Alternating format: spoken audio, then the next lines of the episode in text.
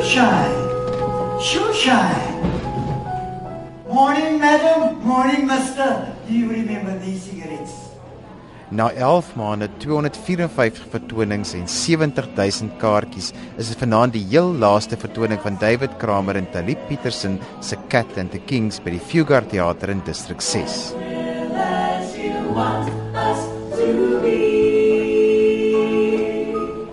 Danny Butler speel die rol van Cat Diamond. Danny, hierdie was nie jou eerste keer wat jy die rol gespeel het nie. Nee, dis die derde keer met drie different cast. Part van die van die skrip is part van my lewe wat ek deurgemaak het deur die uh, apartheid era, die toere wat ek gedoen het met die Golden City Dixies. Nou, die en Cat and the Kings is baie na na na my hart toe. Because baie dinge wat in die skrip staan het ek deurgegaan. Plekke gesing soos die Three Cellars, Catacombs, Balalaika, Tiffany's. Ek het saam met die Escapades nie gesing nie, maar op dieselfde bil gewees.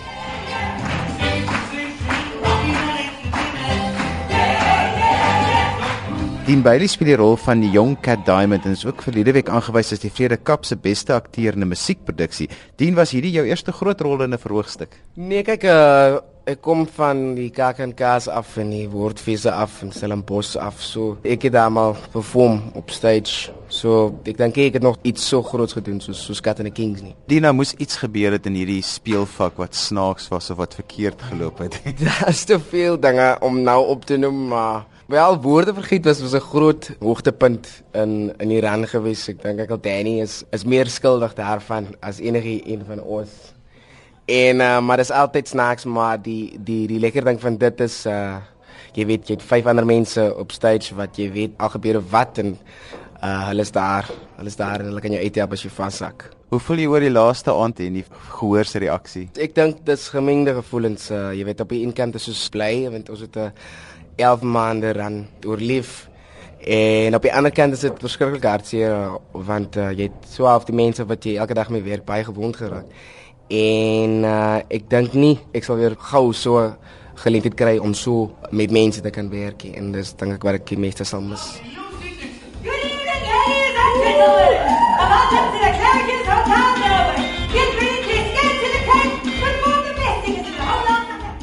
Amy Trout is ook genomineer vir 'n Vrede Kap toekenning as beste byspeelster in 'n musiekproduksie. Amy, vertel ons van die rol wat jy gespeel het. I played the role of Lucy Dixon, and I was the sister of Edel, one of the Kavala Kings. It was a great role. It was amazing. I just kind of helped them shape the, the band and get together, and it was really good. En hoe was jou gevoel vanaand toe die gehoor so op hulle voete gespring het toe jy so lekker gedans en gesing het?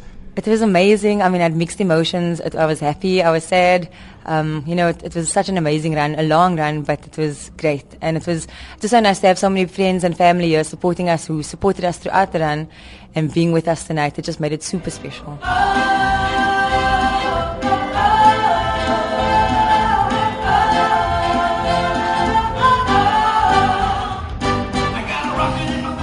Dan is daar Bingo, Bally en Magoo gespeel deur Grant Perez, Carlo Daniels en Zack Turin.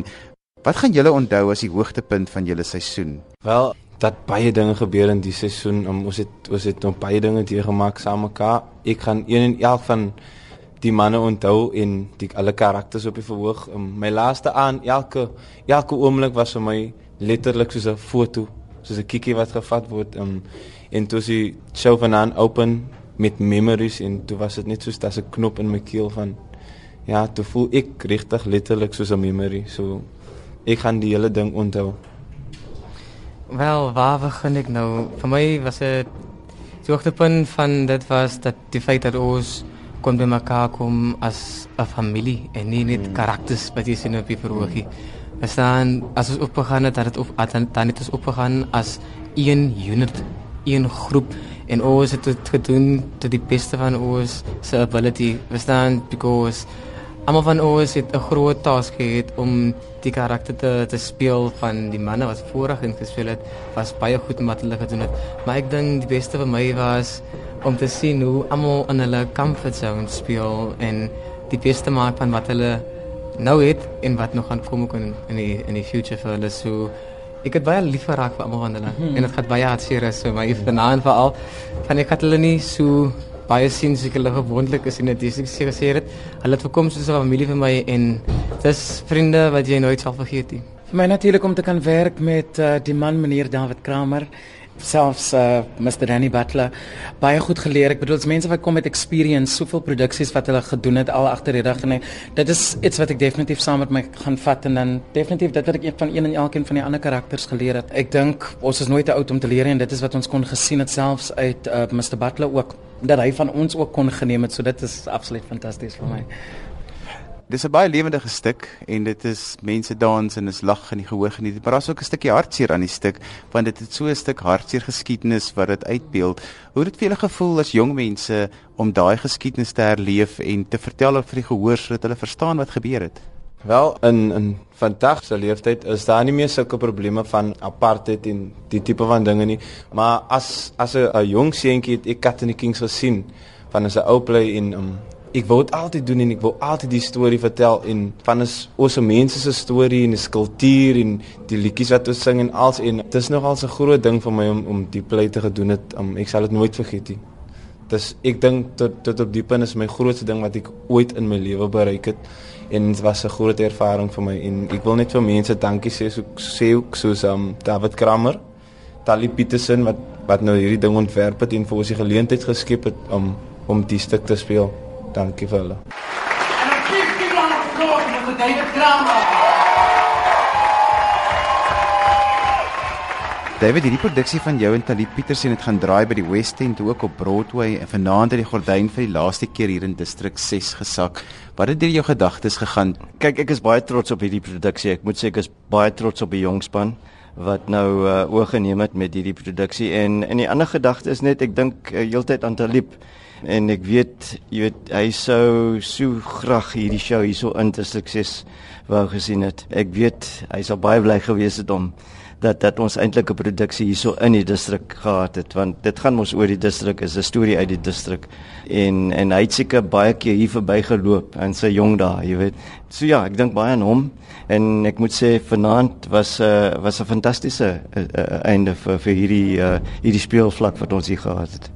Was die idee vir hierdie stuk. Waar het dit vandaan gekom? Eh, die idee het eintlik in Amerika begin. Ek het iets gesien daar wat my die idee gegee het van 'n ou man en 'n jong man wat soort van as jy jou jonger self ontmoet. En toe ons in Maleisië was, uh, Talib en ek met Poison, toe gesels ons op die aeroplane. Uh, wat gaan ons nou maak vir die jong laities, jy weet, wat gaan hulle nou in en ons kom op met hierdie idee van 'n 'n vocal harmony groep. En um, een van die spelers wat saam met ons gewerk het in District 6 en in uh, Fairyland was Sally Daniels en hy het vir my hierdie storie vertel van homself. Toe hy nou 'n jong mannetjie gewees het in in die distrik, het hy saam met drie ander ouetjies 'n vocal harmony groep gestig. Hulle was die Rockets in daai jare en hulle was die eerste kleerlinggroep om 'n solo 7 op te neem. En hulle het Claridge's Hotel toe gegaan en daar gewerk uh, as bellboys en uh, as 'n cabaret uh, show. So, so ons het dit gebaseer op daai idee van Sally se storie, maar dit is maar jy weet geïnspireer deur deur hom en en baie ander mense wat hierdie tipe ondervinding gehad het in daai uh, jare in die uh, laat 50e en die in die vroeë 60e jare. David, gaan ons hierdie stuk weer hier so sien in stuk 6?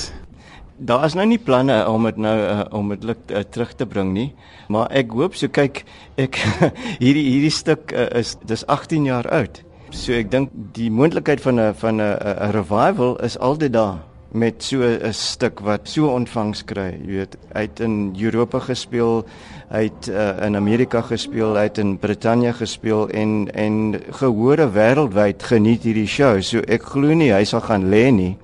Uh wanneer hy weer terugkom in na District 6 toe kan ek nou nie sê nie, maar dit sal nie nou een van die dae wees nie. Uh so en ek het ek het planne vir baie ander goed wat ek nog moet aanpak voor ek te oud word.